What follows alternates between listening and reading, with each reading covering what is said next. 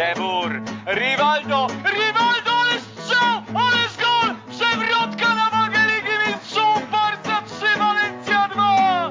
Szewczenko czy Dudek nie patrzy na Polaka Szewczenko, Szewczenko broni Dudek! Puchar Europy dla Liverpoolu!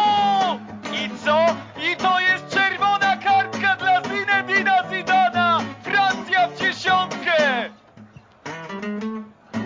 Kiedyś to było. Dzień dobry, na antenie Weszło FM zaczynamy audycję Kiedyś to było, w której przenosimy się w czasie i omawiamy piękne chwile zarówno polskiego, jak i tego światowego futbolu. Przed mikrofonem Kamil Kania, kłaniam się Państwu i kłaniam się także moim gościom, ze mną, a przede wszystkim z Państwem. Są dzisiaj Leszek Milewski, Weszło.com Dzień dobry. oraz Bartosz Bolesławski z portalu retrofutbol.pl. Dzień dobry, kłaniam się. Wracamy w dzisiejszym programie do największych polskich transferów lat 2000. Motywem przewodnim dzisiejszej audycji będą napastnicy, którzy zdominowali w okresie, którym się zajmiemy rubrykę największych transferów. I tak, latem 2005 roku na polskim rynku poszalał Celtic Glasgow. Szkoci sięgnęli po dwóch Polaków. Udało im się wyciągnąć z Wisły Kraków Macieja Żurawskiego. O napastnika przez lata pytało wiele klubów, ale Bogusław Cupiał długo stawiał weto. Pół roku wcześniej konkretne oferty składało Dinamo Moskwa, ale także kluby z Hiszpanii. Za niespełna 29-letniego snajpera Szkoci zapłacili ponad 3 miliony euro. Żurawski wyjeżdżał po sezonie, w którym zdobył 24 bramki w 25 meczach. Nawiasem mówiąc, że to nie wystarczyło na koronę króla strzelców, pokazuje, że kiedyś w Polsce mieliśmy naprawdę solidnych ligowych snajperów. Pierwszy sezon w Glasgow miał bardzo udany, strzelił 16 goli, ale przez kolejne półtora roku zdobył zaledwie 6 bramek. Wielokrotnie pytany o Celtic podkreślał, że ten transfer pozwolił mu spełnić marzenie z czasów Wisły Kraków, czyli wystąpić w Champions League. Tak, natomiast tu chciałem jeszcze wrócić do tego, jak, yy, jak późno w zasadzie Maciej Żurawski wyjechał z Wisły Kraków i z tym się wiąże bezpośrednio inny, kluczowy w zasadzie temat, nie tylko dla Macieja Żurawskiego, nie tylko dla Wisły Kraków, ale dla całej ówczesnej polskiej piłki, czyli no Bogusław Cupiał, który był wtedy myślę, że w topie pięciu najbardziej wpływowych osób polskiego futbolu. I to jak bardzo Bogusław Cupiał człowiek bogaty, człowiek, który swoje zarobił, który musiał mieć jakąś wizję, żeby te pieniądze zarobić, jak bardzo nie rozumiał piłki nożnej, tego w jaką stronę ona będzie zmierzać. Te stare wywiady z Bogusławem Cupiałem, w którym on mówi, że nie wierzy w szkolenie młodzieży, bo przyjdą i wykupią mu piłkarza i tyle z tego będzie, więc po co w ogóle inwestować w szkolenie młodzieży? To podpisywanie z, z piłkarzami Wisły pięcioletnich kontraktów, czy nawet ośmioletnich, jak bywało przy niektórych młodych zawodnikach, no, Bogusław Supiał zupełnie nie wyczuł koniunktury tego, gdzie może znaleźć się polska piłka, jakie może być jej miejsce, że tak powiem, w łańcuchu pokarmowym futbolu. Gdyby, gdyby wtedy Bogusław Supiał wiedział, że no po prostu młodzi Polacy kiedyś będą najbardziej, no będą takim za przeproszeniem towarem, że będzie na tym można nie tylko zbudować solidny klub, ale jeszcze zarobić. To, to sam się czasem zastanawiam, gdzie byłaby Wisła, gdyby obok e, tych mocarstwowych planów budowy pierwszej drużyny Bogusław Cupiał dbał po prostu też o to zaplecze, nie wiem, budował już wtedy siatkę scoutingową, e, budował analitykę, jakieś tego typu rzeczy. No to naprawdę, to 10 lat przed innymi, gdyby się za to zabrał, Wisła, nawet przy jakimś kryzysie finansowym, który ostatecznie uderzył Bogusława Cupiała, byłaby stabilna i byłaby potęgą. Natomiast no, Maciej Żurawski, w zasadzie przy tym transferze zawsze szokuje mnie to, że Żuraw miał już wtedy niespełna 29 lat. To jest po prostu nie do uwierzenia wręcz, jak późno Żuraw wyjeżdżał z ligi. 29-letni napastnik. Dzisiaj w zasadzie takich transferów no już się po prostu nie robi. Jeśli piłkarze wyjeżdżają w jakichś, by tak rzec, modnych kierunkach, no to za młodo, ale wtedy 29 lat i, i odchodzi do naprawdę mocnego europejskiego klubu, no to po prostu pokazuje, jaką też przez te 15 lat, jak zmienił się ten, ten rynek transferowy, o ile on innymi prawami się zupełnie, zupełnie rządzi. Kiedyś jakby te zachodnie kluby oczekiwały, że przyjeżdżają do Polski po pewien gotowy produkt, tak?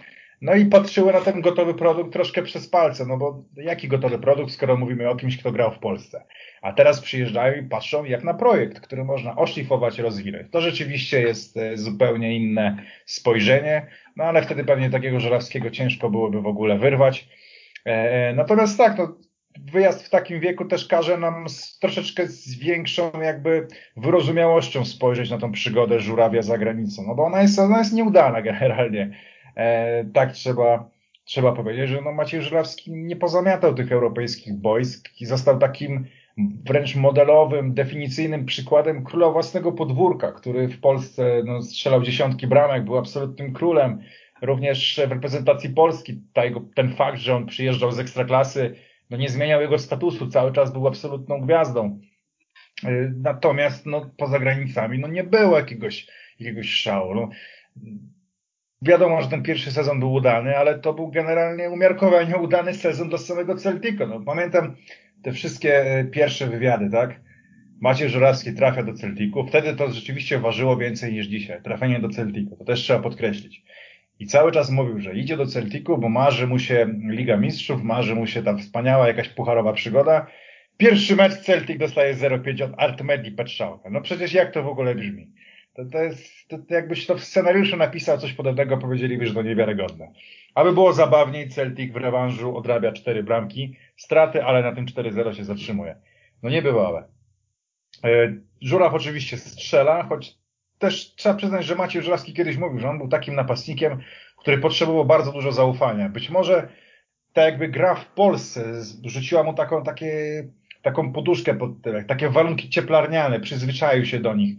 I w Celtiku nie zawsze tak miał. Gdy pojawiała się większa konkurencja o miejsce w składzie, zaczynał mieć e, jakby ciężary, tak? W tym pierwszym sezonie naprawdę sobie świetnie radził. Wytworzył fajny duet z Johnem Hardsonem, no i pamiętamy, to też jest zabawne w kontekście jakby przyszłości, gdy no, wtedy cała Polska żyła tym, że Maciej Żurawski strzelił cztery gole Dunfermline. No, gdzie są jakieś cztery gole z Dunfermline przy czterech golach e, Roberta Lewandowskiego z Realem Madryt na wielkiej scenie?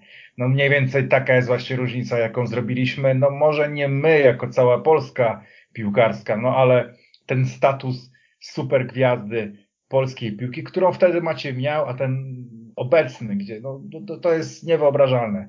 Natomiast no, ten trzeci sezon już na przykład był upiorny, drugi sezon już był słaby, a trzeci to był po prostu, po prostu upiorny, gdzie Żuraw dostał jakieś, dostał jakieś ogony, nie łapał się do składu, a mimo to, co ciekawe, nie bardzo chciał odchodzić, tak? Ostatecznie przekonał się do tego odejścia do Larisy tylko po to, żeby złapać minuty przed e, mundialem. Natomiast, no, rozczarowanie. Pamiętamy tą ksywkę Magic, no, Magic to no nie było za wiele tego Magica. Świetna akcja marketingowa swoją drogą, trzeba przyznać to Szkotom, że wspaniale potrafili sprzedać ten transfer Żuraga z Polski. Ten pseudonim to jest absolutny majstersztyk. No ja się zgodzę z Leszkiem na pewno tutaj, że e, za późno, zdecydowanie za późno Maciej Żurawski wyjechał z Polski. Natomiast trochę jestem w stanie to zrozumieć. E, znaczy w takim sensie on już w Lechu Poznań jako no, no młody chłopak, 20 tam jedno, dwuletni błyszczał i strzelał dużo goli. I tak naprawdę, gdyby wtedy chciał bardzo wyjechać za granicę, to pewnie by już wyjechał e, z Poznania, chociażby do Ligi Niemieckiej pewnie już nie byłoby trudno jakiegoś klubu tam załapać. E, natomiast no, trzeba pamiętać, że raz, że to było jeszcze zaledwie kilka lat po tych sukcesach, no może nie sukcesach, ale grze przede wszystkim Legii Warszawa i Widzewa Łódź w Lidze Mistrzów. No i w Krakowie budowano naprawdę wielki projekt. Wtedy wiem, że jak Bogusław Cupiał no, szeroko kieszenie otworzył i sypał pieniędzmi, E, na zawodników i sprowadzał Polaków, chociażby, nie wiem, Krzysztof Bukalski, który wracał z zagranicy i, chętnie przychodził do, e, czy Kazimierz Węgrzech, którzy przychodzili po prostu grać do, do Wispy Kraków, no to było wtedy takie, takie pojęcie, oczywiście abstrahując od tego, co Leszek przypomniał, że w ogóle nie, nie stawiał na szkolenie młodzieży, ale było takie pojęcie, że w Krakowie buduje się klub, e, który może grać w Lidze Mistrzów regularnie, który może znaczyć coś na europejskiej arenie. Tak, takie wtedy były przynajmniej poglądy, takie były zamiary Bogusława Cupiała. No i też Żurawski pewnie podchodził do tego na zasadzie, że e, no okej, okay, mógłbym pójść gdzieś tam do Ligi Niemieckiej, ale jednak Wiśle Kraków będę i finansowo zadowolony i naprawdę jakieś sukcesy solidne można z tym klubem osiągnąć. Tam był jeszcze taki fajny, ciekawy moment e, po tych słynnych e, bojach w Pucharze UEFA, kiedy najpierw Parmę Wisła wyeliminowała, potem to słynne 4-1 z Szalkę, no potem na wiosnę pechowa rywalizacja z Lazio, e, no ale generalnie trzeba przyznać, że wtedy Wisła zrobiła furorę w Europie, na czele oczywiście tutaj Żurawski i Kosowski to byli ci piłkarze, którzy, którzy najwięcej wtedy znaczyli dla Wisły. E, no i już wtedy była, oczywiście było duże zainteresowanie żurawskim z zagranicy i wtedy pamiętam, że e, takie było uroczyste, gdzieś to nawet w telewizjach, jakichś e, migawkach było, że Żurawski podpisuje nowy kontrakt z Wisłą, dostaje znaczną podwyżkę, no i to jakby był jeszcze taki sygnał od Bogusława Cupiała, że, no, że żeby piłkarz polski był spełniony, nie musi iść nigdzie za granicę, może zostać w Polsce, może tu dobrze zarabiać i może walczyć o wielkie cele ze swoim klubem. No wiem oczywiście, że to były potem pechowe losowania, Real Madryt, Barcelona i do tej Ligi Mistrzów się nie udało dojść. E, no i w końcu Żuraw jednak już e, no, w polskiej lidze wygrał wszystko, regularne mistrzostwa, puchary, e, puchary ligi, super puchary, no królem strzelców był dwa razy. No i czuł już ten tykający zegar. No, w 2005 roku po kiepskiej rundzie wiosennej sezonu, wcześniejszego sezonu z Wernerem Liczką, Wisła kolejny raz szykowała się do walki o Ligę Mistrzów. E, a Żuraw już nie chciał czekać, nie chciał spróbować, tylko chciał po prostu, no już definitywnie odejść. E, a był to też już ostatni dzwonek, żeby jakieś dobre pieniądze, no tam 3 e, miliony euro z hakiem chyba ostatecznie Celtic zapłacił. Więc był to też ostatni moment, żeby, żeby tego, do tego Żurawia coś zarobić żeby on coś osiągnął za granicą. Ja przyznam szczerze, tu się może, znaczy, tak jak Leszek potem powiedział, że, że jednak nie do końca była to nieudana przygoda. Ten pierwszy sezon w Celticu był naprawdę dobry, trzeba przyznać. Zwłaszcza pamiętny był Old Firm Derby, e, to był chyba luty 2006, e, Celtic z Rangersami na wyjeździe na Ibrox, e, gdzie Celtic wygrywa 1 do 0 po bramce Żurawskiego. Więc wtedy naprawdę, no mimo, że tam wtedy Rangersi chyba mieli kilkanaście, czy nawet 20 punktów straty do Celticu i tak naprawdę nie, nie liczyli się w walce o mistrzostwo, no ale znamy wszyscy wagę derbów Glasgow. E, I to jednak naprawdę miał, no był wtedy gwiazdą, był na ustach wszystkich kibiców w Szkocji. To był taki krótki, ale, ale moment chwały e, Macieja Żureckiego za granicą. No, grał wtedy Roy Keane też, e, jakby już u schyłku kariery w pomocy. John Hartson wspomniany, więc, więc to była naprawdę niezła ekipa w Celticu, w Glasgow, w ekipie, w drużynie Celticu. Więc ten pierwszy sezon był dobry. Potem oczywiście był zjazd, E, ale też jeszcze taki był dobry moment, e, chyba to był już ostatni sezon e, Żurawskiego w Celticu, kiedy Celtic walczył o Ligę Mistrzów ze Spartakiem Moskwa, tam były rzuty karne, no i Żurawski, mimo że już był raczej tam czwartym w kolejności chyba napastnikiem, już grał ogony, no to w serii rzutów karnych nie zawiódł i strzelił karnego i pomógł Celticowi do tej Ligi Mistrzów wejść. To się oczywiście oprócz prestiżu wiąże z dużą kasą, więc mimo, że już no, zjeżdżał powoli, no to, to jeszcze tutaj takim miłym akcentem zakończył tę przygodę z Celticiem. E, natomiast już trochę idąc dalej, e, jeśli chodzi o Żurawskiego, no dla mnie to było zawsze zaskakujące, jak on szybko zjechał mimo wszystko. E, no szczególnie mam w pamięci ten sezon 2010-2011, kiedy wrócił do Wisły Kraków. No okej, okay, miał już 34 lata, ale no za rok Lewandowski będzie miał 34 lata, oczywiście tutaj no, zachowując wszelkie proporcje, ale nie wiem, jest Luis Suarez, który w wieku 34 lat zdobywa mistrzostwo z Atletico, jest czołowym zawodnikiem, no było dla mnie mimo wszystko dziwne, jak Żurawski w wieku 34 lat już był no, słaby. On już te przygody w Larisie czy w Nikozji już były kiepskie. W Larisie może jeszcze nie było tak źle. E, natomiast ten sezon Wiśle Kraków po powrocie to już była totalna klapa. Mi się wydaje, że po prostu Lewandowski, przepraszam, Żurawski e, osiągnął wszystko w Polsce, spełnił swoje marzenie, zagrał przynajmniej jeden dobry sezon w dobrym zachodnim klubie, e, zagrał, wystąpił w meczach Ligi Mistrzów i on już był chyba spełniony i tak jeszcze trochę odcinał kupony, a generalnie chyba już e, po odejściu z Celticu mam takie wrażenie, e, też trzeba wspomnieć nieudane Euro 2008, gdzie chyba zagrał tylko pół meczu, bo, bo go kontuzje trafiły. Zakończył przygodę z reprezentacją i już. Wydaje mi się, że motywacji nie miał do gry, bo, bo, bo to był zbyt dobry zawodnik, żeby nawet w wieku 34 lat, chociażby w tej polskiej lidze tych 10-15 goli nie zdobywać. E, także, e, no podsumowując, za późno zdecydowanie wyjechał z Polski, ale tak jak mówię, no ten projekt Wielkiej Wispy być może tutaj miał znaczenie. E, no i ten jeden sezon e, może uznać za udany. Potem to już był rzeczywiście zjazd. Drugim Polakiem, który przeniósł się na Celtic Park był wówczas Artur Boruc i choć z tego duetu był zawodnikiem tańszym, to jego mocniej wspomina się w Glasgow. W Szkocji król Artur spędził 5 lat, chyba najlepszych 5 lat ze swojej kariery, patrząc także przez pryzmat gier w reprezentacji w tym okresie. Do historii przeszła sytuacja, w której obronił trójkę Polaków przed agresywnymi Szkotami w jednym z tamtejszych parków. Fanom The Boys imponowało też też prowokowanie protestanckich kibiców Rangersów, ale sportowo też się bronił. Zdobył trzy mistrzostwa, dwa puchary ligi oraz puchar Szkocji. W żadnym innym zagranicznym klubie nie wyglądał już tak świetnie, choć Fiorentina zapłaciła za niego w 2010 roku 2,5 miliona euro, czyli o milion więcej niż Celtic Legii, licząc na to, że i we Florencji będzie tak świetnie się prezentował. Znaczy ten transfer do Fiorentiny to akurat ta kwota jakoś szczególnie nie imponuje, no bo rozmiał wtedy taki status, że my spodziewaliśmy się, że on może odejść do jednego z najlepszych klubów Europy. Ten transfer do Fiorentiny i kwota w żaden sposób jakby nie imponowały. Spodziewaliśmy się po nim tak naprawdę dużo więcej. Ja pamiętam, znaczy plusem było na pewno to, że e, Celtic grał w tamtych czasach rzeczywiście w Lidze Mistrzów. A to sprawiało, te 12-13 lat temu, że te występy Boruca były po prostu dostępne dla polskich kibiców. No bo wówczas, no ja mam wrażenie takie, że jednak to troszeczkę te występy niektórych Polaków za granicą umykały szerszemu spektrum mm, kibiców. Natomiast to, że e, Artur błyszczał również w Champions League, nadawało temu takiej, takiego ogólnopolskiego wyrazu. Tak? Tym rzeczywiście, tymi meczami Artura, tą jego dyspozycją żyła cała Polska, bo mogła żyć. E, to, to dało się oglądać. To był też całkiem fajny Celtic, ja pamiętam, no nie wiem, Shonsuke Nakamura chociażby, te jego rzuty wolne. Fajna drużynka, tak? Później wielokrotnie Celtic, no można było mu wręcz porównywać to jako taki ostatni naprawdę fajny Celtic na takim europejskim poziomie. E, niezwykle na przykład miłe wspominam tak czysto sportowo tą, ten mecze Artura z Milanem, tam bodajże czterokrotnie się mierzyli ze sobą to wręcz urastało do takiego europejskiego szlagieru z pewnymi yy, podtekstami, oczywiście głównie dla Celticu. Niemniej wciąż było fajnie, że Polak błyszczał w meczu z Milanem, no a wtedy to Milan jednak znaczyło bardzo, bardzo dużo w europejskiej, w europejskiej piłce. To był absolutny gigant. Po niektórych interwencjach z Milanem nam się naprawdę wydawało, e, chyba były nawet takie pogłoski, że Artur może iść do Barcelony, w jakichś takich kierunkach.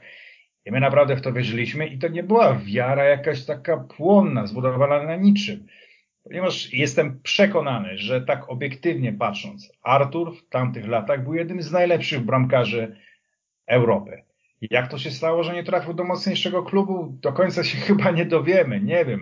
Może było za mało medialne to, to że gra w lidze szkockiej. Może fakt, że grał w reprezentacji Polski tylko też mu jakoś nie pomógł. Ale Artur naprawdę był wtedy wspaniałym, wspaniałym bramkarzem przede wszystkim.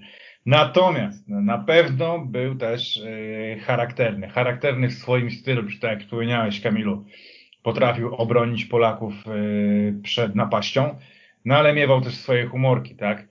Yy, no cóż, nie jest żadną tajemnicą, że potrafił dostać konkretną karę finansową od Celticu. Bodajże oberwał raz chyba 50 tysięcy funtów. No to piechotą nie chodzi za E, jakiś alkohol e, podczas zgrupowania w Holandii, także to mu się zdarzało. E, w jednym z wywiadów, no taki w ogóle legendarny jest jego wywiad dla Playboya, gdzie on otwarcie przyznaje na przykład o bronieniu po jointach, akurat jeszcze w rezerwach Legii. No ale wiadomo, że mówił na przykład, że największym szokiem po transferze do Fiorentiny było to, jak wymuskani byli ci włoscy piłkarze, podczas gdy w Szkocji po prostu szli sobie po treningu na browara i nikt nie miał z tym problemu. Artur na pewno takich wypadów się nie obawiał. No cóż, też legendarne jest oczywiście to, jak ostro on e, potrafił traktować kolegów, tak? E, ostatnio było głośno, gdy Artur mocniej zareagował na swoich kolegów z Legii Warszawa podczas meczu z Florą, a to i tak jest nic w porównaniu do tego, jak wówczas Artur potrafił trzymać w przypadku tego, jak traktował Artur kolegów, to można faktycznie użyć słowa trzymał za ryj. No bo nie obawiał się na pewno nie tylko krzyknąć, ale i dochodziło do rękoczynów. Jego scysje z McGidim, no to jest po prostu historia ówczesnego Celtiku. Wszyscy koledzy z szatni wspominają, że oni się po prostu nienawidzili. Doszło nawet do jakiejś bójki pod prysznicem wręcz. Tam, tam są naprawdę jakieś niestworzone historie. E, także Artur naprawdę potrafił się mocno, mocno zagotować. E, ale oczywiście koledzy dawali mu powód. No to historyczne są też te sprawy, kiedy oczywiście prowokował kibiców e, Rangersu, tak, ale to wszystko wpisywało się w ten jego, ten jego charakter, tak. E, to było spójne. Ja myślę, że on dzięki temu gdzieś tam nawet lepiej grał. Lubił, lubił to, jak właśnie kibice Rangers na niego buczeli, jak, jak prowokował ich wszystkich. Arthur był wtedy taką osobowością, która bardzo tego bardzo tego potrzebowała, ale też bawił się tym życiem, myślę, że dosyć mocno. Tak naprawdę dowiemy się tylko ułamka tego, co tam się faktycznie działo, no ale Artur sam przyznawał, że czasem jak miał lecieć gdzieś z Celticiem na mecz, ważny, no bo jak lecisz gdzieś, no to poza Szkocją, a w takich, czyli na przykład Liga Mistrzów, no to spóźniał się na samolot, który miała drużyna i przylatywał sobie prywatnym i odpuszczał sobie ten pierwszy wylot, tak jakby nie wiem, przegapił tramwaj i zamawiał sobie taksówkę. No trochę drożej, no ale no, no, no co to, tak dla mnie taksówka, tak? I wtedy Artur tak postępował, ale z samolotami. Na pewno świetnie się bawił. Gdyby, gdyby miał wybrać sobie jednego piłkarza, który by napisał biografię i ona miałaby szansę stać się, wyjść poza piłkarskie środowisko, stać się takim naprawdę hitem ogólnopolskim, to to byłaby to na pewno biografia Artura Borosa. Gdyby on podszedł tak szczerze, choćby jak w tym wywiadzie dla Playboya, który polecam, on jest dostępny w internecie, to by było miażdżąca lektura. No cóż, Leszek mi wyjął z ust e, to, to te słowa, że, że gdybym jakieś, jakiej książki się najbardziej spodziewam i jakiej książki by najbardziej oczekiwał, no to była to, to autobiografia Artura Boruca, e, zdecydowanie. Tu już też wspomniał, e, wspomniałeś dlaczego McGillin, też taka ciekawostka, tak mi się skojarzyło, że obydwaj teraz są już wiekowi, a przeżywają właściwie trzecią młodość, no bo Boruc bardzo silny punkt Legii w wieku 41 lat, a Aiden McGiddy, który jakoś zniknął z radarów, ostatnio robi furorę w Sunderlandzie, to jest, jest League One, czyli, czyli trzecia liga angielska, ale tam strzela mnóstwo bramek. W wieku 35 lat jest naprawdę w formie i nawet Irlandczycy się zastanawiają, czy mu powołania nie wysłać do reprezentacji, bo w Irlandii jest bieda generalnie z ofensywnymi zawodnikami. Ale wracając do Boruca, no o Borucu to byśmy mogli w ogóle zrobić pewnie osobny, godzinny program i tak byśmy wszystkiego nie powiedzieli. Ja tylko jeszcze dwa słowa dodam do, do Ligi Szkockiej ówczesnej, no bo, no bo tutaj mówimy w pakiecie trochę o Borucu i o Żurawskim, no, że to była dużo lepsza liga niż teraz. No pamiętam, że Polsat Sport transmitował mecze, w ogóle Ligę Szkocką, w szczególności mecze Celticu. To się oglądało, tym ludzie żyli i, i no, Lewandowski nas trochę rozpieścił teraz, ale Żurawski był wtedy naprawdę uważany za kozaka, za gościa, który gra w silnej lidze, w drużynie, która gra w Lidze Mistrzów, e, czy pretenduje do Ligi Mistrzów. E, no i wtedy nawet była taka dyskusja chyba, że, że Szkoci chcieli dołączyć, znaczy Celtic i e, Rangersi mieli dołączyć do Premier League, żeby oczywiście Liga Szkocka by obumarła reszta przez to, ale wtedy to by było bardzo dobre dla rozwoju e, tych klubów z Glasgow. No tak się nie stało i widzimy teraz, że, że jeden i drugi klub zaliczyły mocny zjazd. Mnóstwo. Jest ta piękna historia, jak ratował, jak ratował tych Polaków gdzieś tam zaatakowanych przez chuliganów. Są też historie śmieszno straszne, jak sobie jakiś tatuaż po pijaku zrobił E, to była jakaś e, strająca małpa na herb e, chyba Rangersów, gdzie potem jak doszedł do siebie stwierdził, że bez przesady i zamalował. No, gdzieś tam widziałem jakieś zdjęcia Boruca bez koszulki, no ma po prostu jakąś wielką plamę na brzuchu. To jest jakby chyba ten zamalowany tatuaż niezbyt, niezbyt mądry i zrobiony pod wpływem chwili. Natomiast trzeba jeszcze powiedzieć o tym samym transferze w 2005 roku, że Celtic tak naprawdę chciał Macieja Żurewskiego, to był główny cel, a Boruca wzięli w pakiecie. Trzeba pamiętać, że on tak naprawdę był wypożyczony wtedy na, do Celticu.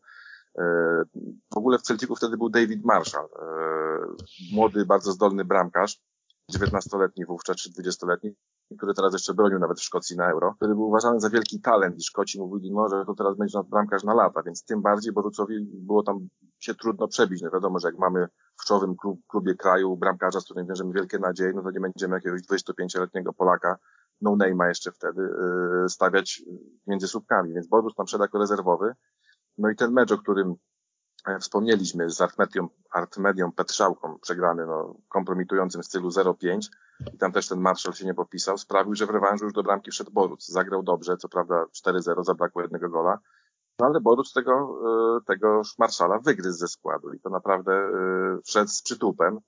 E, zyskał sobie wielki, wielki rozgłos, no, te słynne jakby żegnanie się przed trybuną, trybuną protestantów, e, kibiców Rangersów, czy, czy paradowanie w koszulce z Janem Pawłem II, no to się boleśnie zemściło na Borucu e, w meczu z Irlandią Północną w Belfaście, gdzie, gdzie protestanci, większość protestantów mieszkających w Belfaście kibicuje Rangersom, więc tam zgotowali piekło Borucowi i, i, i dlatego no, ten mecz mu zupełnie nie wyszedł.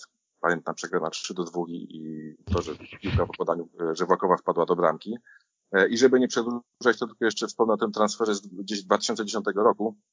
E, to było jednak niemiłe zaskoczenie, mi się wydaje, że, że Bolut wtedy no, zrobił taką furorę w Rangersach, był w super wieku, 30 lat jak na bramkarza, że tu mówiło się chyba też, że o Manchester United, znaczy o, Van der Sar miał być rozwiązaniem chwilowym i niby szukali bramkarza na lata, ale się okazało, że jednak Van der Sar bronił te sześć długich lat i to dobrze bronił. Tam był jakiś mecz w Lidze Mistrzów, gdzie Bolut w ostatnim minucie obronił karnego Luisa Sa i dzięki temu Celtic wygrał z Manchesterem, więc no, może Manchester to trochę za wysokie progi, ale było niemalże pewne, że jakiś dobry klub z Premier League kupi Artura Boruca, więc ten transfer do Fiorentiny był trochę rozczarowaniem, a co więcej, Boruc też tam szedł e, jako rezerwowy, bo tam był Sebastian Frey, też już od lat broniący, mający renomę w tym klubie i Boruc też go wygryźć po jakimś czasie, więc to pokazuje z jednej strony determinację Boruca, a z drugiej strony, no, jeśli by ta rzeczona biografia powstała, czy autobiografia, chętnie bym przeczytał, co się stało, że mimo wszystko tylko Fiorentina w tym 2010 roku. Wielu spodziewało się, że do dużo lepszego klubu może trafić Artur Boruc wówczas. Lato 2005 roku było intensywne. Poza wspomnianym już Żurawskim kluby zmieniło także dwóch innych czołowych polskich napastników. Tomasz Frankowski w odróżnieniu od e, Żurawia chciał jeszcze raz spróbować powalczyć o Ligę Mistrzów, ale po fiasku w Atenach poprosił o zgodę na transfer. E, popularny Franek wyjeżdżał już po raz drugi ale nie był już nieśmiałym chłopakiem, który uczy się e, gry w piłkę i życia najpierw we Francji, a potem także krótko w Japonii. Był ligową gwiazdą, trzykrotnym królem strzelców ekstraklasy. Welcze, do którego trafił za prawie półtora miliona euro, miał znakomity start. Do tego stopnia, że Hiszpanie oddali napastnika Wolverhampton Wanderers. Anglia nie okazała się jednak miejscem na ziemi dla Frankowskiego. Patrząc stereotypowo, ten transfer był po prostu dziwny. Oto bazujący na technice, filigranowy napastnik trafia do ligi, gdzie siła fizyczna jest najważniejsza. Nie strzelił choćby gola, grał ogony i dał pretekst Pawłowi Janasowi, aby ten nie powołał go na mundial. Tak, w ogóle ciekawa jest rzeczywiście ta pierwsza przygoda Tomka Frankowskiego, no bo on miał wtedy raptem jedną bramkę strzeloną w ekstraklasie, nic szczególnego. Tu został zauważony przez Francuzów bodajże na jakimś y, turnieju młodzieżowym. Pojechał, no i faktycznie w tym Strasburgu Pamiętam, jak Frankowski przychodził do Wisły Kraków, tak? No to mówiło się o tych wszystkich innych licznych transferach Wisły, a Frankowski, no to jakiś tam Frankowski i nikt o nim tak naprawdę nie wiedział. To było w czasach kiedy ten przepływ informacji był dużo gorszy, więc cokolwiek się działo z Frankowskim na zachodzie, my tak naprawdę o tym praktycznie nie widzieliśmy, nie słyszeliśmy. Frankowski w Polsce był niemalże postacią anonimową. A jak ostatnio sobie przeczytałem biografię y, Frankowskiego i złączyłem to z liczbami, to faktycznie nie było źle. On tam trafił, ładował dziesiątki, mnóstwo bramek w tych rezerwach. Gdy dostał szansę w Strasburgu, to nie mając nawet 20 lat strzelał swoje pierwsze bramki. No wyobraźmy sobie, że no, no słuchajcie, wtedy e, w takiej ligę, bardzo konkurencyjna liga, dużo mocniejsza w latach 90., możesz wpuścić bodajże tylko trzech zawodników, nie Francuzów i dostaje szansę niespełna 20-letni Polak i strzela bramki. To było naprawdę sporo osiągnięcie. Oczywiście, na długą metę gdzieś tam to nie wypaliło, ale Franek miał naprawdę niezłe to przetarcie tam w Ligę. Wtedy w ogóle dostać się do Ligę, to trzeba było mieć jakieś mnóstwo meczów w kadrze, tak? Wyjeżdżali, nie wiem, Wieszczycki, wyjeżdżał Czerwiec, tak? I oni odbijali się od tej Ligen, e, będąc doświadczonymi graczami, reprezentantami Polski, a tutaj młody chłopak gdzieś tam się jakoś tylnymi drzwiami do tych rozgrywek dostał. To była duża sprawa. Faktycznie w, ciekawe było to, że w J-League e, spotkał się z Arsenem Wengerem, natomiast no, nie, nie dźwignął tego. Sam przyznawał, że po prostu nie odnalazł się tam nigdy jakoś, tych, tych wymagań po prostu nie spełnił. Później znowu były niższe ligi francuskie, gdzie regularnie strzelał, więc rzeczywiście to, że później tak strzelał tyle bramek, tak niesamowicie dużo bramek dla Wisły, y, miał, ma potwierdzenie, że tak powiem w tych liczbach, tak, e, z gry we Francji. Jeśli chodzi o ten wyjazd e, po latach w Wiśle, no cóż, no, to był też już taki, tak naprawdę, no to już nawet nie był ostatni dzwonek. Znowu mówimy o zawodniku o takiej bardzo dziwnej karierze, no bo Frankowski wyjechał w bardzo młodym wieku, i wyjechał już po 30, a te wszystkie najlepsze lata, no fajnie, że spędził w Wiśle. Wszyscy go wspominamy z tego bardzo dobrze.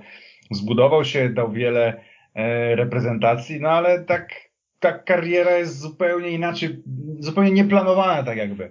Zupełnie nie dzisiejszy jest jej tok jakby, tak? No, standardowy tok dzisiaj, no to w młodym wieku pokażesz się w Polsce, wyjeżdżasz, próbujesz tam, jeśli się nie uda, to wracasz. A tutaj tak zupełnie szalony to jest z tej perspektywy. Na pewno troszkę rozczarowany byłem tym, że taka gwiazda jak e, Tomek Frankowski, który no, strzelił no, dziesiątki bramek dla Wisły Kraków, najlepszej wówczas drużyny, no wyjeżdża jednak tylko do drugiej ligi hiszpańskiej. No. To było trochę uwłaczające mimo wszystko. No, natomiast no, w tym Elcze faktycznie strzelał, był, y, błysnął, pokazał się, był gwiazdą. No i pojawiła się ta perspektywa Championship. No ja o tyle go rozumiałem, że no, umówmy się, często się mówi, że Championship, choć jest drugą ligą angielską, to tak naprawdę jest liga numer 7, 8 w Europie.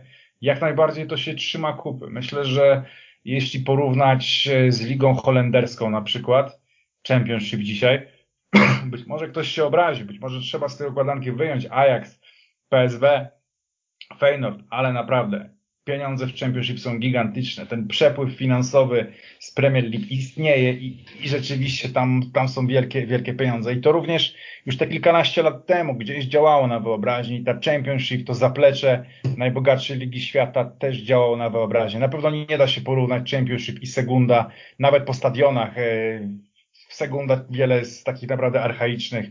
To zainteresowanie kibiców jest mniejsze.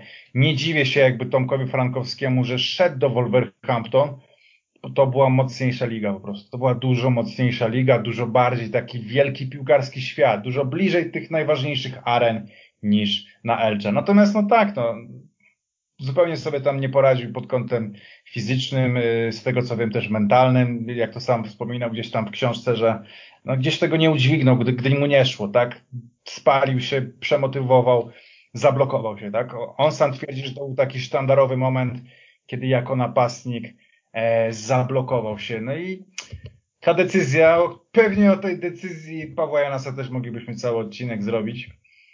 Mm, nigdy to we Frankowskim się nie zaleczy i tam jest praktycznie cały rozdział w jego biografii poświęcony tylko temu, jak bardzo należał mu się ten wyjazd. Trudno powiedzieć, bo tak naprawdę chyba nigdy Tomasz Frankowski nie był w gorszej formie niż wtedy.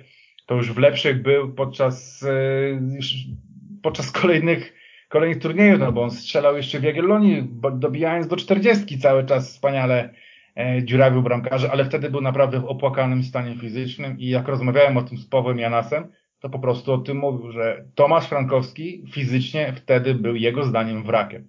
No, w jakimś takim idealnym świecie zapraszamy do weszło FM Frankowskiego Janasa i konfrontujemy i mamy hitowy materiał, no ale może być ciężko. To będzie zawsze taka tajemnica, ale też posiadająca na pewno dwie strony. Myślę, że Paweł Janas też tutaj nie jest bez jakichś racji. Prawda jest gdzieś pośrodku.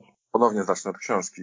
Leszek wspomniał o tej biografii, e, czy właściwie wywiadzie Rzeka, e, z który z Tomaszem Frankowskim przeprowadził dziennikarz przeglądu Wywołości, który jest bardzo ciekawy i zdradza dużo szczegółów, e, bardzo ciekawych anegdotek z życia Tomasza Frankowskiego. Natomiast trzeba też pamiętać, że, że dziennikarz piszący tę książkę to i, i Franek to są przyjaciele z la, od dawnych lat z Białegostoku, więc tam jest czasami trochę tak, że faktycznie miałem wrażenie, chociażby jakieś poważne zarzuty w stronę dziennikarza Adama Godlewskiego, że też no chętnie bym posłuchał drugiej strony, jak to faktycznie było. I tak samo jest ten rozdział z Janasem, e, gdzie też no Franek mówi o swoich, e, o, o swoich żalach. No też jeszcze pewnie ten żal spotęgowało to, że pamiętam, że dzień wcześniej Franek wyjeżdżał ze zgrupowania i Maciej Skoczer mówi mu, że ty się Franek nie bój, na pewno jesteś w kadrze, a dzień później się z telewizji dowiedział, że jednak nie. Ale zostawiając już, już e, ten wątek reprezentacyjny, tu oczywiście Franek ma żal i to nie jest nikomu, nikogo to nie dziwi, że ma żal. Ja byłem bardzo ciekawy, czytając tę biografię, czy on miał żal czy trochę jakby jakieś takie niespełnienie wynikające z kariery klubowej. I szczerze mówiąc, jakoś tak, e, jeśli chodzi o jego decyzje, no nie znalazłem. Bardziej to były takie, e, narzekał na jakiegoś pecha, czy nieprzychylną mu osobę. No, no, w tym Strasburgu e, wyjechał jako młokos. Tam w ogóle no, poznał Arsena Węgera w ten sposób, że mieszkał po prostu w jego, w jego mieszkaniu. Arsen Węgier miał tam jakiś, jakiś lokum czy kamienicę w Strasburgu i wynajmował mieszkanie młodym piłkarzom Strasburga. I Franek tak go poznał. E, e, tam zaczął grać w rezerwach, potem zadebiutował chyba w pierwszym meczu, nawet strzelił bramkę. E, no to była drużyna, której grał Lebew, chociażby chwilę później mistrz świata i mistrz Europy, więc naprawdę solidna, solidna drużyna. I Franek tam miał bardzo dobre wejście, potem była kontuzja, potem był zmiana trenera i ten drugi trener już był nieprzychylny z tego, co pisał Franek i no i, no i trochę tam jakby zjechał w tej Francji. Była też fajna przygoda w Japonii. Tam chyba było tylko dwa miesiące z Arsenem Wengerem i Arsen Wenger potem, jak został trenerem Arsenalu, ponoć mówi Frankowi, no, że wziąłbym cię do Arsenalu, ale miałem wrażenie, że trochę jesteś za wątły, żeby grać w lidze angielskiej. Franek się śmiał, no, że, że, że, że pewnie tak go chciał w dyplomatyczny sposób powiedzieć, że jednak był za słaby. No ale biorąc pod uwagę, co się stało później w Wolverhampton, być może faktycznie Arsen Wenger ocenił to dobrze, że Franek jednak być może tej fizyczności zabrakło, żeby grać w lidze angielskiej. Ale idąc już dalej do tego 2005 roku, bo, bo o tym tu głównie mówimy i transferu do Elche, No wiadomo, że biorąc pod uwagę e, liczby, jakie e, robił Frankowski w naszej lidze, to to Elche było słabym klubem. Tam było Elche albo Levante. Levante nawet przez jakiś czas chyba było bardziej na tapecie. E, ale to też była zaledwie druga liga hiszpańska. No trzeba pamiętać, że Franek już miał wtedy 31 lat, więc, więc, więc no, raczej nie był to perspektywiczny zawodnik. E, I on też trochę się jakby tą decyzję podjął na bazie takiego wkurzenia po tym odpadnięciu z Wisłą Kraków w dramatycznych okolicznościach, z, jakby niedostaniu się do Ligi Mistrzów po dwumeczu z Panathinaikosem. Wydaje mi się, że już chciał spokojnie tą karierę dokończyć w Wiśle Kraków, ale wtedy się wkurzył, stwierdził, że już po raz kolejny zostać królem strzelców i mistrzem Polski, to już go to nie bawi. Chce jeszcze, no, pewnie finansowo też trochę się odkuć i trochę spróbować czegoś nowego, dlatego to Elche. No i w tym Elche było całkiem nieźle, poza tym tam aferą, że podpisał niby kontrakt z Levante, Levante chciało w ogóle jakiegoś zablokować to, żeby on mógł grać w Elche, więc, więc, więc trochę tam były jakieś takie formalne przepychanki, no ale zaczął grać w tym Elche i tam było całkiem nieźle, no strzelał bramki, jednego hat nawet dość fajnego strzelił i chyba wydaje mi się, tak w tej, też w swojej biografii pisał, że że, że nie za bardzo chciał stamtąd odchodzić. Myślał, że może się uda awansować z tym Elche do Primera Division, że, że to jest no, fajny klimat do życia, generalnie dobre miejsce na dogranie swojej kariery. Kiedy pierwszy raz się Wolverhampton odzywał, no to tak, no nie, no, no po co to wyszedł rank, może faktycznie jestem za wątły. E, ale tak, w międzyczasie Elche zaczęło tracić punkty, jakby te, ta szansa na awans uciekła. Wiadomo było, że trzeba by spędzić drugi sezon w Segunda Division. E, potem jakieś też problemy zdrowotne e, zaczęły się, no, Frankowski grał mniej, narzekał, że, że są zbyt duże obciążenia w, w tym Elcze, większe niż Wiśle Kraków. On miał już 30, prawie dwa lata, więc, więc trzeba pamiętać, że może już nie, był, nie, nie musiał aż tak ciężko trenować. No i tutaj postać Glena Hodla. No Glenn Hodl, który nawet w ostatnim tekście, w szóstym tomie kopalni, Michał Okoński pisze, że właśnie Glenn Hodl to był taki Anglik, który się urodził za wcześnie, bo on był technicznym piłkarzem, lubił grę taką jakby, e, powiedzmy, no, bardziej piłką, nie taką fizyczną, jak, jak, jak to dominowało w Anglii w latach 80. No i ten, że Glenn Hodd, mimo że trenował e, drużynę Championship, gdzie się stawia przede wszystkim na siłę fizyczną, tego w tym frankowskim dostrzegł ten, ten błysk, czy, czy ten jakby potencjał techniczny i bardzo go chciał i Glenn Hodd do niego zabiegał i nawet jak już Frankowski tam przeszedł e, i no zablokował się, po prostu grał całkiem dużo, można powiedzieć i tej bramki no nie strzelał, miał sytuację, nie wykorzystywał ich, i ten cały czas go wspierał. Mówił do niego, że ja na ciebie liczę, wiem, że jesteś super, wiem, że się w końcu odblokujesz i będziesz te bramki strzelał. E, no i po, tym, po tej fatalnej rundzie wiosennej, potem ten gong od Janasa, czyli to, że nie pojechał na mundial. E, no i Frankowski wraca do, do Wolverhampton, a tam trenerem zostaje Mick McCarthy, Irlandczyk, który jest, słynie, no to jest taki typowy e, kick and rush, czyli po prostu twarda fizyczna gra, twarda obrona, wysoki napastnik, który głową strzela po dośrodkowaniu szybkiego skrzydłowego.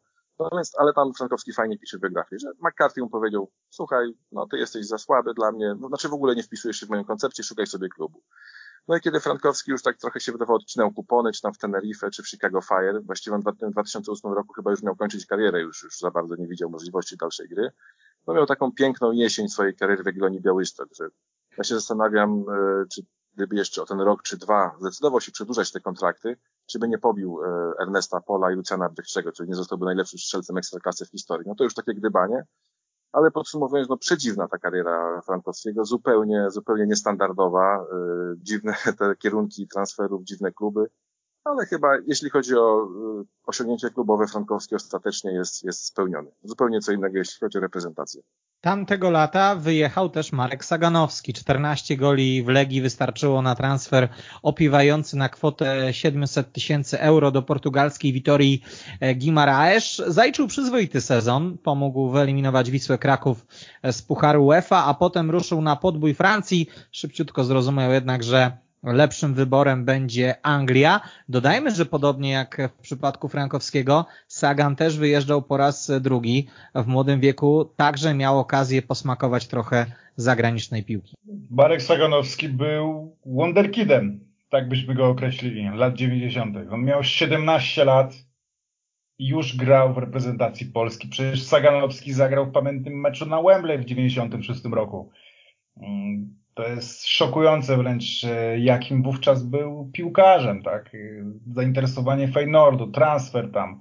No przecież to są jakieś, jakaś prehistoria, w jakich on drużynach gra. W latach 90. w Feynordzie był gdzieś tam Hamburg jeszcze, no duże pieniądze kosztował Saganowski. Naprawdę wówczas transfery tak młodych zawodników po prostu się nie zdarzały w Polsce, a jego wyciągnięto. To było naprawdę postrzegano go jako kogoś, kto może zawojować świat. Wrócił stamtąd, odbił się, ale tak naprawdę no jego, tą wielkim tąpnięciem w jego karierze był ten wypadek e, motocyklowy. Wszyscy, wszyscy wiedzieli, że Sagan, no Sagan jest jakby nierozłączny z tym motocyklem, no i miał ten wypadek gdzieś tam chyba pod Żgowem. No mógł się skończyć po prostu śmiercią tego piłkarza i tak naprawdę wyrwał się z jej okowów, ale na ładnych kilka lat ta kariera niezwykle utalentowanego zawodnika, który nawet jeśli wrócił już e, z, tej, z, tej, e, z tych wojaży zagranicznych pierwszych swoich, to tak naprawdę uważało się, że na chwilę okrzepnąć trochę w polskiej lidze, postrzelać bramek i wyjechać znowu na drugą próbę. Ale ten wypadek jakby to spowolnił, więc gdyby nie ten wypadek, być może mówilibyśmy o dużo wcześniejszym transferze. E, wtedy naprawdę Sagan w pewnym momencie mocno się pogubił. Cieszy, że się odnalazł, no ale to już nie był jakiś tak niebywały błysk.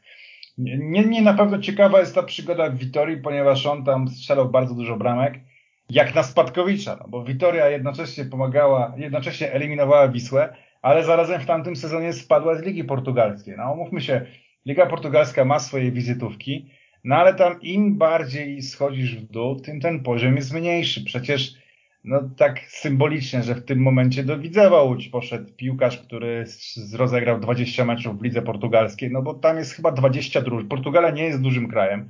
Ligę mają bardzo dużo, więc tam złapać sporo minut to naprawdę nie jest jakieś wielkie wyzwanie. Natomiast zawsze napastnikowi jest ciężko strzelać sporo bramek w słabej drużynie, a Saganowi to się udawało, więc nie dziwił aż tak bardzo jego transfer do Trojes. E, być może Bartek będzie lepiej znał kulisy tego, dlaczego to był aż tak nieudany wyjazd do Trojes, ale to była jakaś katastrofa, katastrofa zupełna. Porównywalna tylko z tym, co spotkało Marcina Żywłakowa po wyjeździe do Francji, gdzie on praktycznie od pierwszego dnia tego żałował. No i to jak szybko się Saganowski zawinął, że on tam nawet nie grał. Oni tam zapłacili za niego duże pieniądze, a on tam nawet nie grał. Jakieś ogony i to jeszcze w słabe uszu. Bo troje też nic nie znaczyło wielkiego w tej lidze francuskiej. Jakieś absolutne, absolutna komedia. Natomiast później Sagan bardzo fajnie, fajną kartę zapisał w Anglii. E, strzelił też gola w Lidze Mistrzów, także gdzieś na swoich prawach zapisał bardzo fajną historię E, na zachodzie. Na pewno nie taką, jaką mógł napisać, ale wciąż z dużą sympatią myślę o tym, co osiągnął. Na, jak mówię, na swoich prawach, bez spektakularnych sukcesów, ale z dużym szacunkiem niejednej licznie wypełnionej trybuny. Ad no to tak y, muszę przyznać, że nie do końca wiem, czemu aż tak bardzo y, Saganowskiemu nie poszło w tym trua. Jakieś takie wywiady sobie przypominam, że chyba po prostu mówił, że jakby taktyka była nie pod niego, czy, czy trener miał zupełnie inną koncepcję, no na jakieś takie wymówki, ale tu też y, mądrość Saganowskiego, że jak widział po prostu, że, że, że nie ma co tam szukać, no to szybko się przeniósł y, gdzie indziej. Natomiast patrząc już tak ogólnie właśnie na Saganowskiego, no to y, podobnie niestandardowa i przedziwna kariera jak z Frankowskiego. Są pewne analogie. To znaczy najpierw wyjazd w bardzo młodym wieku, jeszcze nastoletnim, e, gdzie tak jak już wspomniał, no, był bardzo postrzegany za bardzo utalentowanego napastnika i, i takim był utalentowanym. E, no tam zaliczył jakieś epizody w tym Hamburgu i, i Feyenoordzie, natomiast on tam przyznał, że miał jedną setkę chyba w Hamburgu, mógł strzelić bramkę, ostatecznie się na tym nie skończyło. No ale okej, okay, nie wyszło, trochę poznał jakby zachodniego futbolu, pewnie też się języka poduczył. E, wrócił do ŁKS-u i naprawdę zaczął ten ŁKS ciągnąć. No, głównie tu chodzi o sezon 97-98, do którego mam wielki sentyment i, to, że e, ŁKS wtedy zdobył mistrzostwo. I tam e, w pierwszym meczu rundy wiosennej, gdzie UKS tam atakował chyba z czwartej pozycji i ostatecznie wyprzedził Polonię Warszawa, Widzewa i Legię, chyba hat-tricka strzelił Saganowski. Naprawdę e, no, wchodził na wysoki poziom, e, szedł na króla strzelców, no i ten wypadek motocyklowy, no to naprawdę nie wiem, czy od tego momentu chyba nie zaczęto wpisywać do kontraktów w polskich klubach, że piłkarz zawodowy ma zakaz jeżdżenia na motocyklu. Wiem, że wtedy chyba taka dyskusja się pojawiła. E, w każdym razie, no muszę, no, tak poważnym złamaniu nogi się odbywał. Najpierw był Orlen Płock, druga liga, potem Odra Wodzisław, gdzie jakoś dużo goli nie strzelił, ale ta Odra była mistrzem jesieni i jakoś nam tam e, pokazał się na tyle, że wzięła go Legia Warszawa. No i w tej Legii, e, no też nie wiem, te, te liczby, jeśli się patrzy na liczby w Legii, nie były może jakieś aż tak imponujące, e, ale grał tam bardzo dobrze. No i mimo, że jakichś tam może wielkich sukcesów nie osiągnął, no ale, ale zapracował na ten transfer zagraniczny. I w tej Witory Gimaresz naprawdę zalecił dobry sezon. On tam strzelił 12 goli w Spadkowiczu, e, a jak sprawdziłem, Wiktoria Gimaresz w tym sezonie strzeliła w ogóle 28 goli, więc e, prawie, prawie niemalże połowę goli strzelił Saganowski. Tak jak kiedyś mówiliśmy o Cezarym Kucharskim, no, łatwo jest strzelać, być może gole Lewandowskiemu jest łatwiej w e, Bayernie, gdzie wiadomo, że tych sytuacji będzie dużo, a strzelać w takiej drużynie, która ciągle się broni i nie, ma dobrych pomocników, którzy podają, no to naprawdę jest trudno, więc to był e, dobry sezon, chyba najlepszy za granicą Saganowskiego. Pamiętam, że Michał Kołodziejczyk taką anegdotkę opowiada, jak był wtedy dziennikarzem, sport, dziennikarzem przeglądu sportowego i dostał zadanie, że ma o jakimś tam meczu właśnie Saganowskiego w Wiktorii napisać no, całą szpaltę, jakby całą stronę. A Liga Portugalska wtedy chyba nie będzie transmitowana, on jakimiś tam streamami, czy, czy w ogóle jakimiś relacjami live próbował to opisać i napisał faktycznie relację na całą stronę, gdzie Saganowski gola nie strzelił, ale trafił w poprzeczkę po dobrym strzale z dystansu, więc to też pokazuje, jakie były czasy, że po prostu to, że Polak trafił w poprzeczkę w meczu Ligi Portugalskiej w drużynie, która ostatecznie spadła, no było wydarzeniem, o którym pisał przegląd sportowy właściwie prawie całą stronę. E, natomiast, no tak jak tutaj, no nie będę mówił o tym truła, bo, bo, bo nie wiem dlaczego nie poszło, ale potem jeszcze Marek Ja wyczytałem sobie, znaczy przypomniałem sobie Bartku, że tam od początku były niesamowite jakby konflikt e, z trenerem. Sagan przyszedł i myślał, że będzie po prostu rozdawał kartę w tej drużynie, a trener powiedział, że no Sagan wygląda gorzej na treningach i nie będzie grał e, od innych, tak? I za chwilę po prostu był otwarty konflikt w mediach, oni nawzajem siebie opluwali na szpaltach mediów. A, czyli tak jak to e, dyplomatycznie ująłem, e, inna koncepcja tak. trenera, powiedzmy. Tak, tak jest, tak jest, tak jest. Tak to można wytłumaczyć.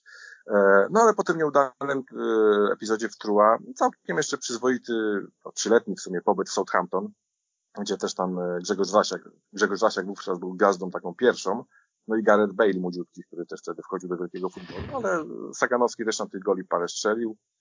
Był też pół roku, zdaje się, na wypożyczeniu w Alborgu, gdzie, gdzie też chyba nawet bramkę w Ligę Mistrzów, dlatego Alborga strzelił. I ten 2008 rok to był chyba taki bardzo dobry moment Saganowskiego, no bo pojechał na Euro 2008, pierwsze Euro, w którym wziął udział Polska. E, tam no, zaliczył asystę przy tej bramce Rogera z e, tym nieszczęsnym meczu z Austrią, zremisowanym 1 do 1. E, też pamiętam, że dobrze grał w eliminacjach. Pamiętam zwłaszcza mecz chyba z Finlandią na wyjeździe, tam się 0-0 skończył, ale Saganowski chyba trafił w słupek i naprawdę bardzo dobrze grał i właściwie tylko on stwarzał zagrożenie pod bramką Finów. Więc to był taki dobry czas Saganowskiego. No i po tym 2000, do 2010 roku był Southampton. Potem był jakiś epizod w Grecji, no, średnio udany. E, no i właściwie też się wydawało, tak jak Frankowski po Chicago Fire, że no wraca do UKS-u na jeden sezon, tak żeby ładnie tą piękną klamrą spiąć karierę. A się okazało, że zaliczył tak dobry sezon w UKS-ie, żeby jeszcze wziął Legię i tam jeszcze zagrał 4 lata na bardzo dobrym poziomie. No, był na tyle dobry, że nawet dostał jeszcze powołanie do reprezentacji. To już od Waldemara Fornalika, z tego co pamiętam. E, no ale potem znowu, tak jak wtedy Pek z tym wypadkiem na motocyklu, dość poważna kontuzja, chyba zerwał więzadła krzyżowe. No w tym wieku, już po 30, to, to wiadomo, że jest, e, może świadczyć do końca kariery, ale jeszcze się wyleczył. Jeszcze z Legią zdobył w 2016 roku Mistrzostwo i Puchar Polski, także chyba ostatecznie też, no nie wiem, nie mamy książki, nie mamy biografii Saganowskiego, więc trzeba by go zapytać, czy ostatecznie czuje, że spełnił się w swojej karierze klubowej. E, no ale mimo, że ta kariera klubowa była taka trochę pokręcona, to chyba E, no, w sumie nie wiem. Możemy sobie odpowiedzieć na pytanie, czy e, Saganowski spełnił pokładane w nim nadzieje, czy nie. No, no, ja szczerze mówiąc e, ciężko mi odpowiedzieć, bo być może mógł osiągnąć więcej, ale też nie była to jakaś zła kariera. Biorąc pod uwagę zawirowania, te, ten wypadek, to, to ja myślę, że mimo wszystko można docenić to, co Markowi udało się zrobić. O ile wspomniani do tej pory snajperzy wyjeżdżali z czołowych klubów, o tyle kolejni bohaterowie dzisiejszego programu opuszczali zespoły zupełnie nieoczywiste, tak to określmy. Z końcem znakomitego sezonu 2005-2006 z ligi wyjechał Grzegorz Piechna, napastnik Korony Kielce, która była wtedy Beniaminkiem, strzelił 21 goli w 26 spotkaniach i został królem strzelców. Był to jego debiutancki sezon na najwyższym poziomie, ale mając 30 lat na karku długo się nie zastanawiał, kiedy pojawiła się intratna oferta z Rosji. Kielczanie otrzymali za snajpera 700 tysięcy euro, co jak na wiek zawodnika jego doświadczenie, no dla mnie było kapitalnym zarobkiem. E, z Rosji Piechna wrócił po raptem półtora roku, strzelił dla Torpedo Moskwa dwie bramki, a w Polsce już nie potrafił nawiązać do tego fantastycznego sezonu. Siedem meczów na poziomie ekstraklasy, bez gola w Widzewie. Muszę powiedzieć, że przypadek Piechny to jest niesamowita historia, a mi na wspomnienie tego nazwiska w uszach gra ta piosenka z piłkarskich Oscarów, Grzegorz Piechna Ligi Duma Hej, którą wykonali jego koledzy z Korony. No, jak najbardziej. Grzegorz Piechna jeszcze pochodzi z rewirów, e, z których wywodzi się moja żona, więc tym bardziej mam do niego wielki sentyment. Natomiast cała historia, jeśli skupiamy się, jak to w naszej audycji, o tym, co osiągnęli ci piłkarze za granicą, no to ta historia Moskwy to jest historia wielkich zarobionych pieniędzy i wielkich przepuszczonych pieniędzy.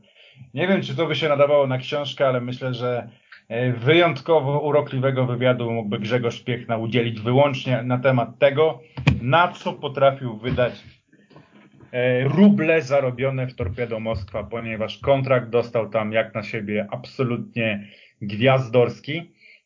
No i chyba jakoś te pieniądze no, nie zostały w kieszeni, no bo gdy ostatnio rozmawiałem y, z Grzegorzem Piechtą, to normalnie pracował przy tym, przy czym kiedyś, czyli miał, miał firmę rozwożącą węgiel. Nie, że sam rozwoził, bo też jest trochę tak źle rozumiane, tylko ma firmę. No i bardzo dobrze, każdy czymś się musi zajmować, natomiast no myślę, że mógłby mierzyć ciut wyżej, gdyby więcej tych rosyjskich pieniędzy mu zostało. Pewnie coś tam zostało, udało się zainwestować, w co zainwestować, jeśli nie własną firmę, na czymś, czym się człowiek zna, a Grzegorz Piechna na tym się jak najbardziej znał. Natomiast, no cóż, e, na pewno nie, nie, nie zarobił, nie zostało z tego tyle, że mógłby żyć z kubki. On sam był w Moskwie zakochany, mówił, że rzeczywiście świetnie czuł to miasto, klimat, czy również dyskoteki, no to już jest tajemnicą Grzegorza Piechny, ale cała jego przygoda ówczesna dodała wiele kolorytu polskiej lidze. No tak teraz sobie pomyślałem, jak mówiłeś o tym wydawaniu pieniędzy, pieniędzy w Moskwie, tak jak fajnie by było zaprosić Frankowskiego i, e, i Janasa do weszło FM i był, byłaby hitowa dyskusja, tak samo można by zaprosić może Piechnę i Dawida Janczyka, który też wówczas bawił w Moskwie i przepuszczał pieniądze. No mi najbardziej się podoba, jak Janczyk czuł się smutny, to wynajmował samolot i sprowadzał do siebie orkiestrę góralską z Nowego Sącza, żeby mu trochę poprawili nastrój. Jakby finansował cały przelot, oczywiście płacił mi za występ i dawał im pieniądze, żeby wrócili sobie do Nowego Sącza, czy pod Nowy Sącz. Ale wracając już do kariery Piechnej, no to jest taka trochę bajka o kopciuszku piłkarskim. Już nie pamiętam, czy sam Piechna, czy, czy ktoś o nim powiedział, że kurczę, tak naprawdę to był piłkarski drewniak, znaczy z całym szacunkiem do Grzegorza Piechna, ale tak, ani jakaś prawa noga niezbyt imponująca, ani lewa, ani dryblingu, ani gry głową, ale mówi, ale gdzie poszedł grać, to strzelał dwie bramki w meczu, trzy bramki w meczu, no że to był taki trochę niewytłumaczalny, e, niewytłumaczalne zjawisko, że w sumie jak patrzysz na piłkarza, no to taki trochę drewniany, ale on tak, grał w czwartej lidze Król Szczelców, potem poszedł do trzeciej ligi Król Szczelców, e, w Heko Czerno zaliczył e, chyba dwa lata, to był taki ciekawy, czy jeden chyba, dwa, taki ciekawy klubik, taki jakby protoplasta Termaliki Nieciecza, gdzie wieś chyba jeszcze mniejsza od Niecieczy. Świętokrzyskiem był jakiś bogaty sponsor, który zrobił drużynę, która miała wejść do ekstraklasy, no ale po barażach spadła z drugiej ligi, więc się wkurzył, rozwiązał i klub już nie istnieje, został całkiem sympatyczny stadion w tym Rzeczernie. E, no ale te dobre występy w tym Heko Czerno pozwoliły mu na transfer do Korony Kielce, gdzie został królem strzelców, no wtedy jeszcze drugiej ligi, obecnej pierwszej, e, i awansował do ekstraklasy. E, no i właściwie pewnie niektórzy myśleli, czy ten Piekna się w ogóle nadaje na ekstraklasę. Początek miał kiepski, ale potem walnął jeden hat-trick, drugi hat-trick i on po rundzie jesiennej sezonu 2006, 2000, yy, przepraszam, 2005-2006, kiedy korona weszła, miał 16 goli. I on tak naprawdę już w zimie miał propozycję, żeby jechać gdzieś za granicę. Też pamiętajmy, że też był zawodnik w wieku lat 30, czyli no, też ostatni dzwonek na, na jakikolwiek wyjazd, żeby cokolwiek zarobić. I on już po tej wspaniałej rundzie jesiennej, gdzie miał 16 goli na koncie, mógł wyjeżdżać za granicę, ale właśnie mówi, że jedynym, co go trzymało, żeby zostać w tej ekstraklasie, było to, no, że był królem strzelców od czwartej do niższych ligach, więc chciał jakby dopełnić to e, tytułem króla strzelców w ekstraklasie. I to mu się udało. No wiosna była już dużo gorsza, on tam jakieś problemy zdrowotne, kontuzje, które jakoś mu się tam długo nie mógł się wyleczyć, ale ostatecznie pięć goli jeszcze na wiosnę wbił. No i z 21 z liczbą 21 goli na koncie został tym królem strzelców. No i skorzystał z tej życiowej szansy, pojechał do Torpedo Moskwa. E, tam było kiepsko, ale pamiętam, że czytałem jakiś wywiad z Grzegorzem Piechną, jakoś tam niedługo po tym, jak wrócił. I on tłumaczył, że Torpedo Moskwa, jak on szedł do tej drużyny, grało jeszcze w Ekstraklasie. E, on tam poszedł w lecie, a, a to był wtedy chyba jeszcze system e, wiosna-jesień, być może się mylę, ale w każdym razie e, tam były jakieś limity obcokrajowców dość duże, ale Torpedo Moskwa spadło wówczas z rosyjskiej ekstraklasy i w drugiej lidze rosyjskiej było chyba już tylko dwóch albo nawet jeden obcokrajowiec i on jakby już no, byli lepsi po prostu od niego i wtedy jakby tam władzą powiedziała, że niestety no, już nie będziesz grał, bo, bo, bo są limity w tej niższej lidze. No więc zarobił, przepuścił, spędził fajny czas w Moskwie, być może wolałby dłużej, no ale tak wyszło. No a potem już był totalny zjazd, no, no trzeba przyznać, że e, e, jakby już, już chyba wiek robił też swoje, ale grał jeszcze bardzo długo w różnych niższych ligach. też miałem wrażenie a propos tego rozwożenia węgla, no bo, no bo pamiętam, że w tym jego największym prime, kiedy zdobył 16 goli w rundzie jesiennej, a jeszcze trzeba przypomnieć, że zagrał jeden mecz reprezentacji Polski, strzelił bramkę w tym meczu przeciwko Estonii. To też Paweł Janas go tak powołał trochę na siłę, bo, bo media chciały, ale yy, niektórzy go tam typowali, jak był 2006 rok, jak były te słynne ogłoszenia, yy, no, kto jedzie na mistrzostwo, to chyba nawet było tam ikonka Grzegorza Piekny, że być może on, ale Paweł Janas nigdy go na poważnie nie brał, no fajnie, że go raz powołał na mecz towarzystwy, on sobie strzelił gola, wziął sobie dres reprezentacji, ma piękną pamiątkę, no ale Paweł Janas chyba jednak widział, że, że to nie jest potencjał reprezentacyjny.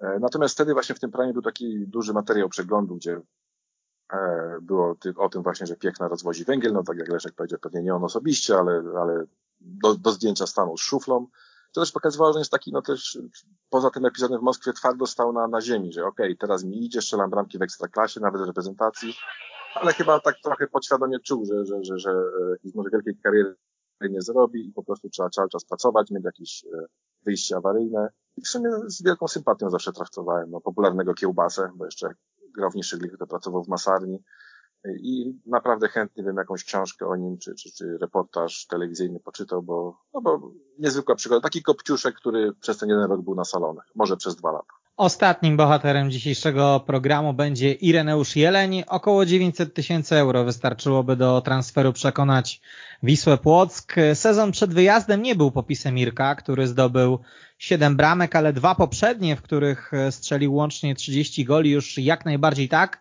Orze to ser miało niezłe wspomnienia z Polakami i z pewnością nie pożałowało. Jeleń w pierwszym sezonie strzelił 10 goli w lidze, a w kolejnych czterech dołożył jeszcze 38 kolejnych. Te liczby z ligi, było nie było ligi top 5 w Europie, nawet z dzisiejszej perspektywy, gdzie mamy świetnych snajperów, wyglądają moim zdaniem przyzwoicie. Niestety po przenosinach do Lille Jeleń nie prezentował już takiej skuteczności po sześciu latach spędzonych nad Sekwaną wrócił do Polski, gdzie odcinał już kupony.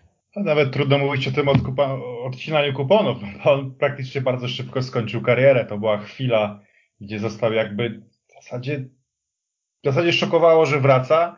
Szokowało do jakiego klubu, a później już tylko zaszokowało, że Jeleń już po prostu nie jest profesjonalnym piłkarzem. Natomiast jego przygoda we Francji, no umówmy się, gdy Irek Jeleń wyjeżdżał, nikt nie spodziewał się, że będzie taki moment, kiedy Ireneusz Jeleń będzie tak naprawdę no, był taki moment, uważam, najlepszym polskim piłkarzem grającym za granicą, bo w szczytowym momencie Irka Jelenia tak właśnie było. To było za Hakera.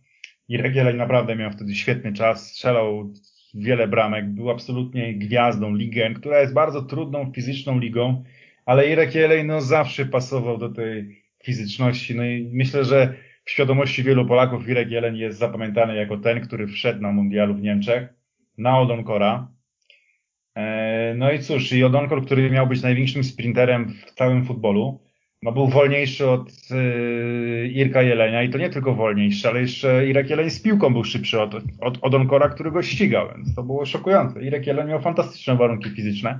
No, na pewno brakowało mu pewnych kwestii, no bo chyba z tego co wiem, to nie nauczył się za bardzo tego francuskiego, choć tam siedział ładnych kilka lat. No ale grał na tyle dobrze, że rzeczywiście potrafił się w tym wszystkim odnaleźć. No też wpisał się gdzieś tam do historii tej francuskiej ligi tą taką kapitalną bramką, bodajże przeciwko PSG strzeloną absolutnie z zerowego kąta. No bajeczne uderzenie.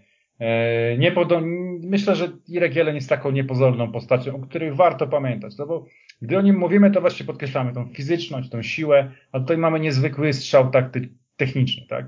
Myślę, że jeśli radzisz sobie tyle lat we Francji, jeśli pomagasz prowadzić taki klub jak Auxerre, do Ligi Mistrzów, no to musisz być też poukładany taktycznie, musisz mieć dużo więcej niż tylko siłę i taki naturalny talent. Yy, myślę, że Irek Jeleń zasługuje na to, żeby być doceniony, choć tak naprawdę troszeczkę przemknął przez tą historię polskiej piłki, bo w niej zapisujesz się najbardziej tym, co zrobiłeś w kadrze, a Irek Jeleń w swoim najlepszym momencie no, był pomijany. Ja bym może dodał, że, że Ireneusz Jeleń faktycznie jakoś nie jest być może aż tak ceniony, jak powinien, może ze względu na to, że jest no, to mało medialny też człowiek, on jakoś wywiadów za dużo nie udzielał, a jak udzielał, to też, też nie zawsze wypadały jakoś tam bardzo po jego myśli. E, no faktycznie Wiśle Płock bardzo dobrze się prezentował w polskiej ekstraklasie, ale trochę to traktowano z przymurzeniem oka. No okej, okay, Wisła Płock to jest e, klub tam, który może walczyć maksymalnie jakieś trzecie miejsce w tabeli i raczej no, w tak słabym klubie wyróżniać się to nie jest jakiś e, wielki wyczyn. Akurat Ireneusz Leń był tym e, wyjątkiem potwierdzającym regułę, że jak chcesz e, oduczyć się gry w piłkę, to idź do Płocka, kiedyś takie było powiedzenie. On akurat do tego Płocka poszedł i tam się wybił.